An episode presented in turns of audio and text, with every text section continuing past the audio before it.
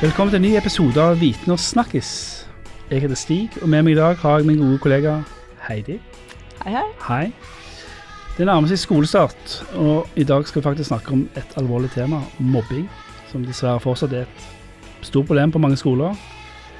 Til tross for mange kampanjer og tiltak for å få slutt på mobbing, så er tallene ganske stabile. På sånn 6-7% av alle norske elever blir, blir mobba. Og for å snakke om dette, så har vi fått besøk av to forskere som har forska på mobbing og sett på skoler som har jobba systematisk mot mobbing. Ingunn Marie Eriksen, velkommen. Tusen takk. Selma Therese Lyng, velkommen til deg òg. Takk for det. Ja, og da lurer vi jo egentlig på helt i starten her, altså hva, hva er egentlig mobbing? Ja, altså som eh, med andre temaer i forskning, eh, så er det selvfølgelig diskusjoner rundt eh, definisjonen av mobbing. Men den som brukes i norsk skole i dag, og som um, brukes mye i forskningsfeltet også, den går ut på at det er en eller flere som blir utsatt for negative ord eller handlinger fra en eller flere medelever, og det må gjentas over en viss tid. og det er også liksom karakteristisk at det er en slags maktforskjell da, i forholdet mellom den som blir utsatt, eller de som blir utsatt, og de som utøver det, da. Um, ja, det Men det er diskusjoner om det, men det er den som på en måte brukes. Ja, og uh, innenfor den definisjonen, da, altså hva slags ulike typer mobbing har man? Så grovt sett så kan man tenke seg at det er en type mobbing som er direkte, og det handler om at det kan være ganske åpenbart at det skjer, da, at det er spark og slag, f.eks. Liksom vold, mm. eller at det er skjellsord. At folk roper ting som er negativt uh, eh, betona. Hvor, hvor, også folk som, som ser det utenfra, vil skjønne at dette er mobbing. Mm. I den grad det blir sett. Da. Det er jo ikke alltid at det blir sett heller, men det er litt større sjanse for at den type direkte mobbing blir oppdaga. Uh, og så på den annen side, det er jo klart at det er sånn grovt opptegna her, da, men, uh, men, på den annen side så har vi da indirekte mobbing. Som kan være utestenging f.eks., ryktespredning, baksnakking. Sånne ty type mobbing som ikke er så lett å se. Selv om du skulle stå der og se på, så er det ikke helt åpenbart at det er det som faktisk skjer. Uh, da må du nesten være de personene det gjelder for å forstå dynamikkene mellom dem. Men Har det blitt mer av den type skjulte mobbing? i nyere tid, eller? Ja, altså det er jo noen tegn i, eh, som tyder på at den type liksom, utagerende atferd i hvert fall går ned. Og, og, om det har blitt mer skjult mobbing, det er jo litt vanskelig å si, mm. da, fordi det er mange måter å måle det på. og Det er ikke alltid det har blitt målt, og det er mange sånne ting. Men det, det er nok mer oppmerksomhet rundt det nå, i hvert fall. Det kan vi være sikre på. Så kan man jo spørre seg om at har det blitt mindre direkte mobbing, og dermed så ser man bedre den skjulte mobbingen, eller eller har det faktisk endra seg? Det er jo ikke så greit å vite det. På en måte så kan man kanskje si at eh, mobbing på et vis alltid har vært skjult. Eller det er om å gjøre å holde det skjult for de mm. voksne, eh, ellers så blir de oppdaga. Men det som vi så av de skolene som vi intervjua, de beskrev jo veldig en sånn utvikling fra denne typiske, hva de kalte noen NRK-mobbinga, hvor det står en i midten av en gjeng, ikke sant. Og på en måte de voksne i gamle dager, de gikk forbi og turte ikke å gripe inn, de så det, ikke sant. Og, og fysisk altså buksevann, holdt jeg på å si, og, sant, og bli banka opp og sånn, til at det liksom har eh, blitt mer relasjonelle eh, kanskje strategier, både blant gutter og jenter. Negative kommentarer, ikke sant? Eh, baksnakking, ryktespredning. Altså den type ting. Da. Og så litt nye arenaer òg, da, med inntog av det digitale. Mm. Ja. Sosiale medier og sånne ting. ja. Mm. ja. Men, men, men, hva skal man se, altså den litt mer skjulte mobbingen, da, hva, hva, kan man se etter der da, siden det er mer, mer usynlig? Altså både som uh, foreldre og, og, skoleansatte. Hva skal jeg si, altså Det kommer jo an på hvor du har blikket. Altså foreldre og uh, Altså både for, altså voksne kan jo være mer aktive og legge merke til hvordan ungene snakker til hverandre, f.eks. Eh, jeg har jo snakket med foreldre og også eh, folks ungdomsarbeidere og folk som jobber i skolen. ikke sant? Hvor de liksom, hvordan griper man inn i det? da? Du, si, eller du sitter og kjører ungene til fotballkamp, og så hører du hvordan de snakker. Er skikkelig dårlig tone seg imellom. Ja, for det er noe med, ja, Der kan man jo være en mer tidlig voksen, både som forelder og, og Alt skal jo læres, også det å omgås eh, og snakke til hverandre. Eh, for det er jo noe med når, som en del av, eller hvert fall noen av de lærerne vi mm, var i klassen til også, er opptatt av at liksom den generelle omgangsformen eh, har jo betydning for hvor mye som blir tillatt, eh, mm. og hvor mye Og hva ungene sjøl også syns er greit. da. Og så er det jo det poenget som vi hele tiden hørte da vi var rundt på skolen, om at det er viktig at lærerne blir kjent med klassen. At de blir kjent med klassen som eh, kollektiv, som fellesskap. Og hvordan, liksom, hvordan hva som, som Selma sier, hva, hva, slags regler har vi her?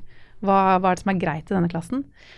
Men også det at uh, læreren blir kjent med hver og en elev. For det er da man kan altså Jeg tenker akkurat sånn skjult mobbing, det er, det er både vanskelig å se, men det er også vanskelig for en elev som opplever det å, å si fra om, fordi det er skamfullt, det er vanskelig å sette ord på.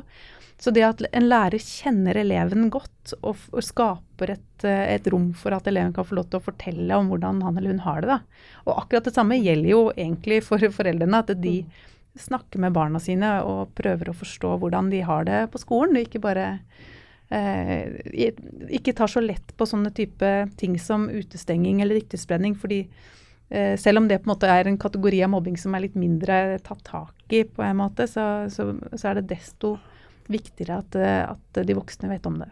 Og det er jo også sånn at eh, den lovendringen som ble gjort i opplæringslovens 9a, da, som handler om skolemiljø, der står det jo at eh, voksne på skolen har plikt til å følge med på elevmiljøet.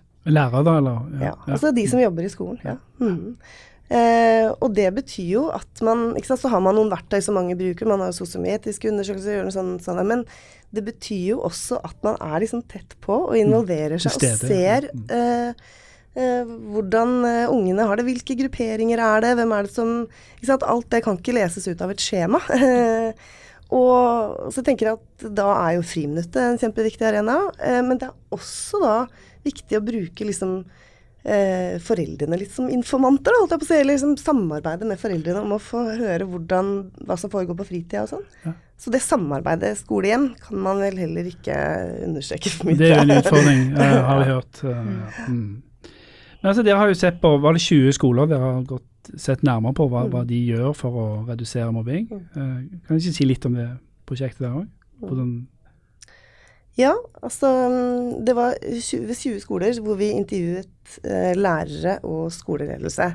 Og de 20 skolene ble valgt ut fra en survey på 500. Og de vi valgte ut da, de var skoler som oppga at de hadde fått til en positiv endring i skolemiljøet i løpet av de siste fem åra, og at det var måten de hadde jobbet mm. med skolemiljø, som de mente da sjøl eh, lå bak de positive endringene. Og da, eh, veldig sånn eh, For å male litt med bred pensel, så mm. så vi jo at det som eh, gikk igjen ved de skolene, det var at de hadde særlig to hovedstrategier som de hadde jobbet med. Og det ene var liksom atferdsregulering. Altså det høres jo veldig sånn Men altså rett og slett de jobbet mye med regler, konsekvenssanksjonering. De hadde jobbet masse med klasseledelse. Eh, og også hvordan man skulle jobbe i friminutt for å forebygge mobbing. Altså god inspeksjon, og ikke bare liksom høyere voksentetthet, men at man også jobbet med god kvalitet på inspeksjonen. At man faktisk fikk med seg det som skjedde. Ja, Hvordan gjør man det? Altså, hvordan har man god kvalitet på inspeksjonen? Altså, det var kanskje særlig én av de skolene som hadde, perfeksjonert inspeksjonen. Og de hadde faktisk altså, sett det at lærerne ofte gikk litt lei. Det gikk liksom, Man rullerte hvem som skulle være ute, og man sto der kanskje og drakk kaffe og mm. snakka med kollegaene sine. ikke sant. Og så fikk de faktisk eh, en ordning med at de hadde et team av mer dedikerte lærere da, som faktisk virkelig ønska å være der ute, snakke med elevene. Og så hadde de sånne regler da, om at du skal ikke stå og snakke med en kollega og drikke kaffe. Du skal være på, du skal snakke med, med elevene, og du skal følge med, og du skal bli kjent med elevene. Og det at de på en måte fikk et sånn spesialisert team, det gjorde jo at de blei jo kjent med elevene på en egen måte. ikke sant? Og fikk et blikk som var litt mer spesialisert for hva som beveger seg ute i friminuttene. Mm. Um, og det ble liksom Jeg tror de også nevnte det at det blir litt mer sånn statusoppheving, um, ja. det med å være inspektør i friminuttet. Spesialting. De ble gode på det. Ja, de ble gode på det. Ja, og så fikk de mulighet til å på en måte å drive praksisutvikling eh, og kompetanseutvikling på nettopp det arbeidet, da. Så, også, men så var det jo også andre skoler som ikke sant, hadde Altså Det er jo en veldig bra, men litt mer liksom Den trenger ikke å være krevende. For de, altså, de ble jo da kompensert da, ved å ta disse inspeksjonene, som ofte ikke er så populære blant mange andre. Så, fikk, så var det andre oppgaver de slapp, på en måte. Så de hadde fått til en løsning som beskriver i rapporten. Men, men, bare det å eh, tilby organiserte aktiviteter i friminuttene f.eks., og det å ha eh, nok inspeksjon og, og, voksne da, som tør å involvere seg litt. For det er jo noen, mange assistenter også som f.eks. brukes i friminuttene. Og jeg tenker at det, i hvert fall på barnetrinnet, så er det så utrolig stas Eh, for barna når de voksne involverer seg i Og det, det handler ikke om liksom at voksne skal inn og styre leken, men at de rigger litt mer. Og at, eh, at voksne viser at de verdsetter på en måte eh, det sosiale miljøet elevene imellom. Da. Så det, for det, ser man jo også av mange undersøkelser, at der hvor det ikke er noe tilbud om organisert aktivitet i friminuttene, så er det mer mobbing. Et av de mest effektive tiltakene er å tilby aktiviteter og ha god inspeksjon. Mindre frilegger som mer organisering? Ja. ja, på en måte. Og det er jo liksom, så det høres jo litt sånn eh, kontra ut til eh, liksom rådende diskurser, men det er jo noe du kan jo tenke deg selv også. Som sosiologer, så er det jo noe med at i fravær av regler, så lager vi jo våre egne regler, og det er vi jo nødt til å gjøre. Så det er jo noe med å spørre seg hva slags sosiale arenaer er det vi slipper ungene mm. ut på. Så ja. Mm. ja, og det er vel gjerne også sånn at da holder man seg jo med de man har god kontakt med allerede, hvis det ikke er noe organisert, regner jeg med.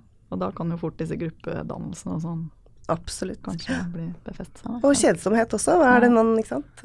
Mm. mm. Andre ting eh, de skolene gjorde, oss, de som lykkes litt med å få et bedre miljø? Ja, for nå snakka vi om den ene hovedstrategien. Ja, altså Den som Selma nevnte i stad, den handler om atferdsregulering, eller altså på en måte disiplin, da. rett og slett å få God gammeldags disiplin, ja. ja. God gammeldags disiplin, men moderne form, da, med liksom det som vi så at de fikk mm. til. Mm. Som funka, var at de hadde den her varmen, og det var liksom omsorg i den disiplinen. liksom. Det var ikke, det var ikke sånn gammeldags uh, pekefinger, men heller sånn Omsorgsfull kontroll, var ja, det, det, det vi, har, vi har, kalt det da omsorgsfull kontroll, fordi at det er en uh, Men det å få til det, så ligger det jo noen andre ting bak.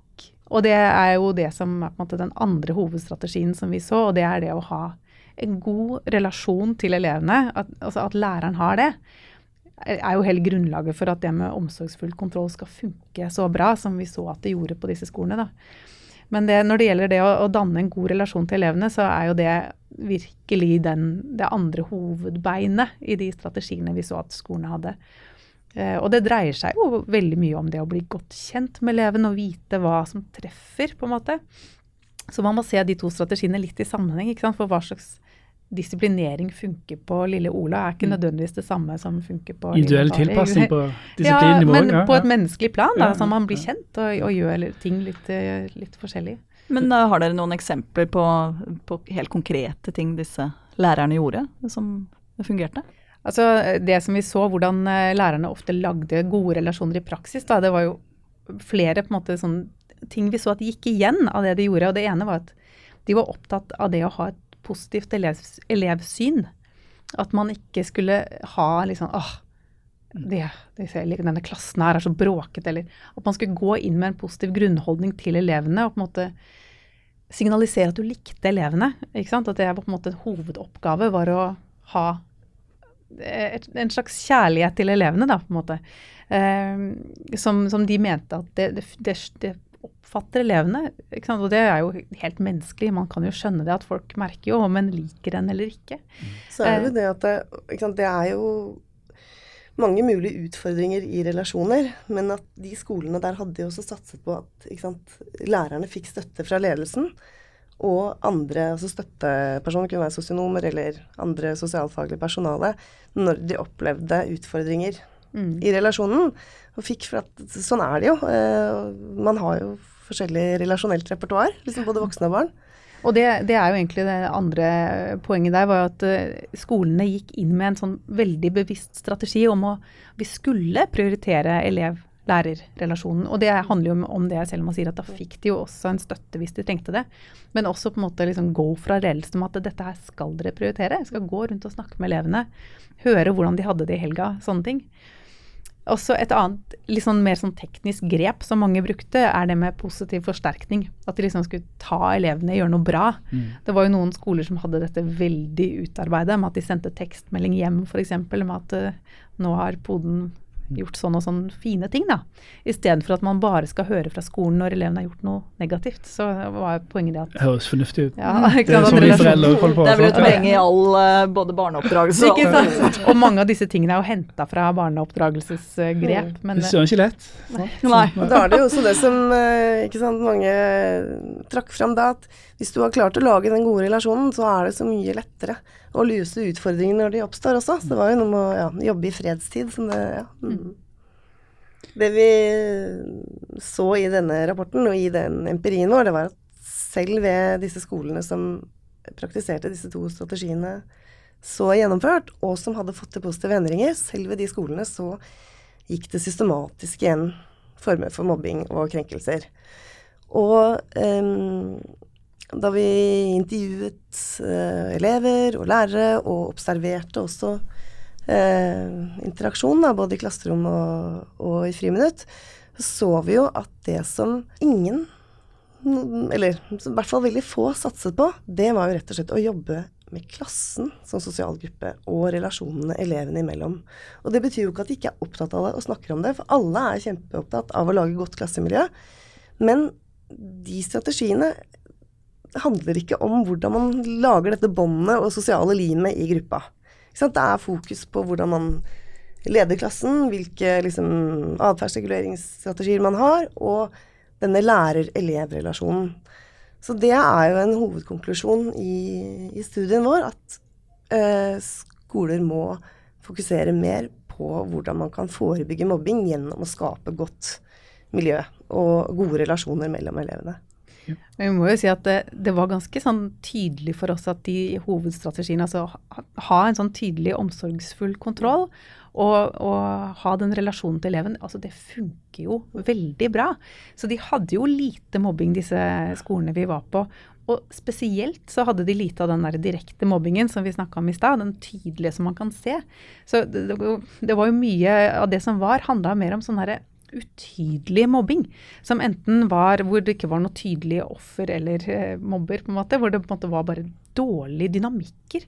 Og hvor kanskje den som hadde vært dronninga på haugen den ene dagen, var nederst eller utafor den andre dagen, og så skifta det hele tiden på. Så det var veldig vanskelig å bruke den definisjonen som vi snakka om helt innledningsvis, på den type negative dynamikker. Det var på en måte ikke tydelig at det var mobbing, det var bare dårlig miljø.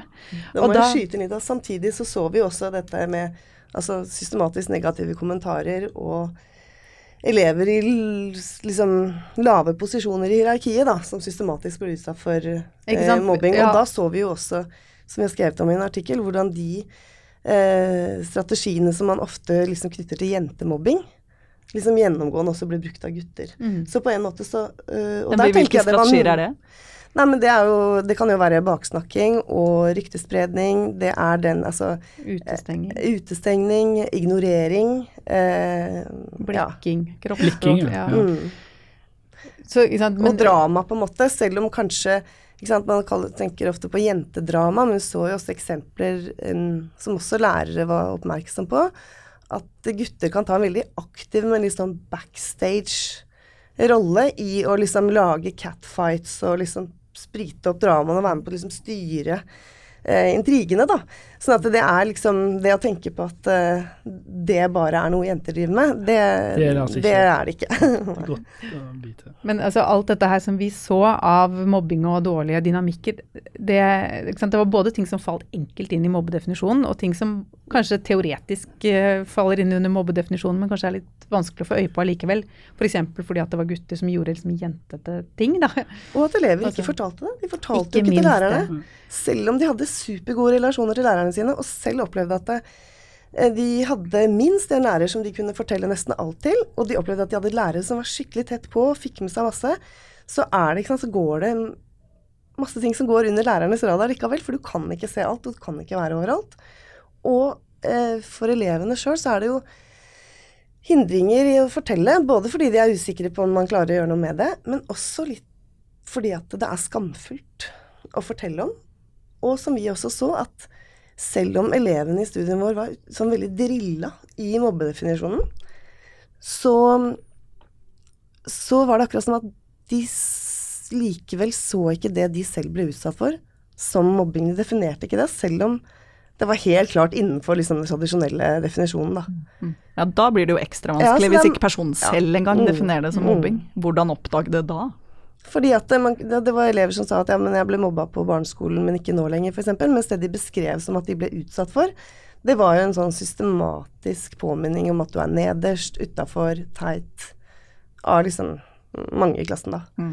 Ja, hvordan foregikk det da? Bare sånn, sånn konkret Nei, men Det kunne være alt fra at um, i timen, som de fortalte om noen som vi intervjuet, at de sier ikke direkte stygge kommentarer mens læreren hører på, men det de kan si, er sånn at med en gang du sier noe i klassen, så sier de 'det er feil, det er feil', eller de himler med øynene, eller de um, Du prøver å snakke til dem, og de svarer ikke. Det er som å snakke til en glassvegg. Um, til at du da i friminuttene, selv om um, lærerne kunne se eh, på en måte akkurat sånn som skjedde i hovedbolken av friminuttene, så ble de knuffa rundt i gangene på vei til og fra, eller ikke sant. Det er alltid noe sånn, ja. Mm. Ja, Så du finner liksom og, steder hvor riktig voksne ser. Drittslenging innimellom, ikke sant. Som ikke På vei ut og inn. Eh, knuff, knuffing, drittslenging. Ja. Mm. Det viser hvor vanskelig det kan være, da. Absolutt. Ja. Men det som uh, var en av hovedinnsiktene vi kom fram til da, var jo at uh, altså, det var jo litt sånn yes, selv om de gjør alt det riktige, alt det forskningen så langt liksom har vist at man skal gjøre, så det funker jo Det treffer jo tydeligvis ikke denne type litt mer sånn ulne dynamikker, eller altså, hva, hva, er det som, som gjenstår da? Altså, så så vi jo det at eh, sant, til tross for at de har mange tiltak for å få et godt miljø, så er det jo det å faktisk få til å skape gode relasjoner mellom elevene. Ikke, ikke, bare mellom læreren og elevene, men elevene mellom. Som er det som faktisk kan forebygge mobbing. Altså, det, så Derfor så gikk vi litt tilbake til liksom, hvordan kan man forebygge mobbing. Da? For de andre strategiene dreier seg nok litt mer om det å faktisk stoppe det når det skjer. Eh, og, og, det å få til et godt sosialt miljø er jo Det er jo ikke bare, jo ikke bare lett. Men vi har prøvd å peke på noen ting som, som kanskje kunne gjøres mer systematisk og mer strategisk eh, av, av, skolene. Ja, og hva, hva, var det? Man kan jo starte f.eks. med de sosiale aktivitetene som skoler allerede driver med. Som f.eks. er da? Ja, det kan jo være alt fra juleball ikke sant, til eh, vennegrupper, til Eh, aktivitetsdager, til at man går på tur, at man kan ha klassetur osv. Det har man jo ofte med en sånn tanke om at det å gjøre noe hyggelig sammen, det skaper fellesskap og samhold. Men det vet man jo at det øh, går jo ikke av seg sjøl. Det er jo ikke sånn. Så et øh, viktig poeng er jo at de voksne på skolen, men også foreldre når de er involvert, da, tar en mer sånn tydelig voksenregi. Eh, og legger til rette for at f.eks. en klassetur blir samlende og mer inkluderende, og ikke bare forsterker utenforskap og spenninger og konflikter mellom grupper, som det kan gjøre hvis man ikke er på, da. Um, og på foreldresida så kan du f.eks. se dette med vennegrupper, som er blitt en veldig vanlig ting å gjøre, og som er selvfølgelig kjempebra, som kan funke veldig bra. Men ofte så får jo ikke foreldre noe tips eller instruksjon liksom, til hvordan man skal gjennomføre de. sånn at hvis uh, ikke foreldre er på da, så kan man jo ende opp med at man ikke har noe felles aktivitet egentlig på den vennegruppa. Da går disse tre timene med at gutta spiller dataspill og jentene fletter håret. Altså, ja. Eh, sånn at det er liksom noe med å gå et uh, skritt lenger når man tenker sosiale aktiviteter. Hvordan kan vi legge opp denne aktiviteten for at det faktisk alle skal kunne være med, og at det blir noen felles liksom, omdreiningspunkter. da, En felles ramme og en felles aktivitet som er positiv og inkluderer andre. Det har vi også en god del eksempler på da, i den rapporten. Eh, og en annen ting er jo at lærere i større grad kan tenke på når man lager undervisningsopplegg, altså hvordan Eh, kan man gjennomføre undervisningen på måter som faktisk også styrker dette sosiale samholdet. Og kanskje at elever blir kjent mer på tvers. Eh, for det er faktisk ofte sånn, når vi snakket med de elevene, så sitter de og forteller liksom at det, de føler at de egentlig kjenner så godt eh, de andre elevene i klassen, bortsett fra de de kanskje er mest sammen med. Så man skal ikke undervurdere Man tenker at ja, men de går i en klasse, og vi er en klasse og sånn, men eh, man trenger faktisk eh, rom og opplegg på en måte for å bli bedre kjent, da.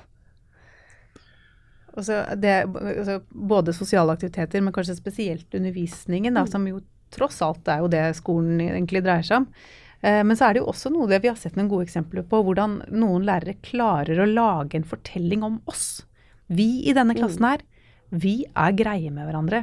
Vi viser omsorg og empati for hverandre og liksom lager en fortelling som elevene kan være med på, og som bygger opp et miljø helt fra, fra første klasse på barneskolen. Og en forståelse om at men sånn er jo vi. Vi tar imot nye elever. Vi, vi er den gode Sånne type fortellinger. da, Og det er en rolle som læreren eh, nok kan altså, gjøre mer ut av. den derre klassens historieforteller, på en måte. Men der hadde dere et godt, helt konkret eksempel. Det, det, det var en uh, ungdomsskoleklasse hvor um, læreren klarte å lage et sånt kollektiv, et ordentlig eller, Og i samarbeid med elevene, da. Et vi på tvers av grupper og hierarkier i klassen. Og det som eh, den læreren og elevene selv og de andre lærerne på skolen fortalte, liksom trakk fram når de fortalte om den suksesshistorien, da, hvor de hadde sånn, fått et veldig spesielt omsorgsfullt miljø, det var rett og slett at det var Ved begynnelsen av ungdomsskolen så var det en av elevene i den klassen som hadde blitt opplevd og ble mobbet på barneskolen, og så ønsket foreldrene og den eleven å liksom gjøre så dette ikke skjedde igjen. Og dermed så lagde læreren i samarbeid med helsesøster og eh, sosialfaglig Eh, personalet ved skolen da, et opplegg hvor man snakket, for da hadde den eleven en diagnose, som, eh, hvor de snakket gjennom det. Og um, det ble på en måte åpningen, fordi det ble gjort så bra. Og fordi denne læreren også var så tydelig på at han var tilgjengelig og ønsket relasjon, eh, så ble det sånn i den klassen at etter hvert så kom den ene etter den andre med en utfordring som de gjerne ville fortelle om. Og det kunne jo, ikke sant, da var det ikke diagnoser men sammen, da det, kunne det være småting. Så det ble sånn i den klassen at selv de liksom kuleste jentene kunne komme på skolen en dag og bare si 'Å, nå har jeg en så forferdelig dag, nå trenger jeg litt støtte', altså. Og så mm, mm, mm. Eh, og selv den guttegruppa som kanskje under andre omstendigheter ville ha vært veldig aktive i liksom negative dynamikker, da de opplevde at uh, de syntes at det miljøet i klassen var så bra og viktig å ha, at de skjerpa seg og sanksjonerte hverandre, faktisk, når de holdt på å skli ut. Ja, så de sa fra? Ja, de sa fra til ja. hverandre. Mm. Og at de også, tror jeg liksom det som var viktig i den klassen også, var at læreren var så tydelig på at han var tilgjengelig, også for dem når de f.eks. ble provosert. Istedenfor å ta igjen, så kunne de gå til han og så kunne de ta en prat om at ok, jeg skjønner at dette var provoserende, men jeg tror likevel det er noe dere må tåle. Også, ja. Så de fikk kanskje utløp for en del av de frustrasjonene som kan trigge negative dynamikker i elevrelasjoner, da. Ellers. Mm. Dette krever jo gode lærere. Som stabile lærere over flere år i klassen. Det er fint med litt uh, kontinuitet i Ikke like lett i dagens skole. Men jeg vil tilbake til de med foreldrene. Det er jo snart skolestart. og noe vi kan, eh, dere kan si til foreldre som er litt nervøse nå, som skal ha med seg ungen på skolen? Noe de kan gjøre for å måtte Det er jo noe med å, prøve å bli kjent og følge litt med ja. på hvordan ja. elevene har det sammen. Hvem er hvem, hvem er sammen med hvem. Altså ikke for å drive kontroll, ikke sant, men fordi man er interessert. Og det er liksom det å Altså masse forskning som viser hvor viktig det sosiale miljøet og den sosiale tilhørigheten er for at man skal både ha det bra, men også gjøre det bra på skolen. ikke sant? Sånn at det, det er ikke noe sånn rart å skulle være veldig opptatt av det sosiale miljøet. Og det er jo snart foreldremøter også, eh, så ta initiativ til at det sosiale miljøet, klassemiljøet, blir et eget og viktig tema mm. på foreldremøter. Og også at det, man, at det blir en dialog mellom skolen og lærerne og foreldrene, hvordan man kan lage et godt miljø. Den er viktig, å få til den dialogen der ja. sånn tidlig mulig, at det blir bra. Ja. ja. Et annet uh, poeng er jo at uh, elevenes uh, miljø er jo viktig, men også foreldrene mellom seg. Ja. Altså at det å gjøre et, en innsats for at foreldrene i klassen skal bli kjent med hverandre, det skal man heller ikke undervurdere. Altså, det er veldig nyttig, ja. Mm, skaper jo veldig korte bånd til å ta den der telefonen om at du vet, vet hva skjedde egentlig der med Nettopp. min og din sønn, mm. liksom. Eh, pluss at det å, å, få en Da får man straks et mye større nettverk med mye mer informasjon om hva som foregår eh, med de andre barna i klassen. For kanskje det faktisk er ditt eget barn som er den som ikke har gjort alt som man skulle. mm. Kjempelurt. Eh, ja, Så foreldre må også bygge relasjoner med andre foreldre. Og hvordan, hvordan, kan man gjøre det på en god måte, da? Altså Hvis man har skolestarter, altså hvis man uh, nå har noen som er seks år som skal begynne på skolen, altså hva, hva, anbefaler dere? Det er vel sånn som det er i andre sosiale settinger, da. Du må kanskje by på deg sjøl litt, ja. rett og slett. Og, um, men det er jo fint å ha noen allianser og være litt flere, og, uh, sånn at man kan foreslå noe sammen, f.eks. Ja. Mm. Så vi har, uh, I mine to barns klasser så har vi hatt uh, mammapils mm. uh, og pappapils. Det har blitt litt for mange å ha alle sammen samla. Mm. Som jo gjør at man er også kjent med altså For vår del som har to gutter, så er det en liten terskel med å bli kjent med jentene, faktisk. Nettopp. For de har ikke vært så mye sammen. Mm. Så det å bli kjent med i hvert fall jentemammaene er jo en, en liksom, Oi, da har vi utvida litt bare mm. der. Mm. Og også klassefester med foreldre til stede. Det har vi alltid, og det er en veldig fin eh, semesterstartstradisjon.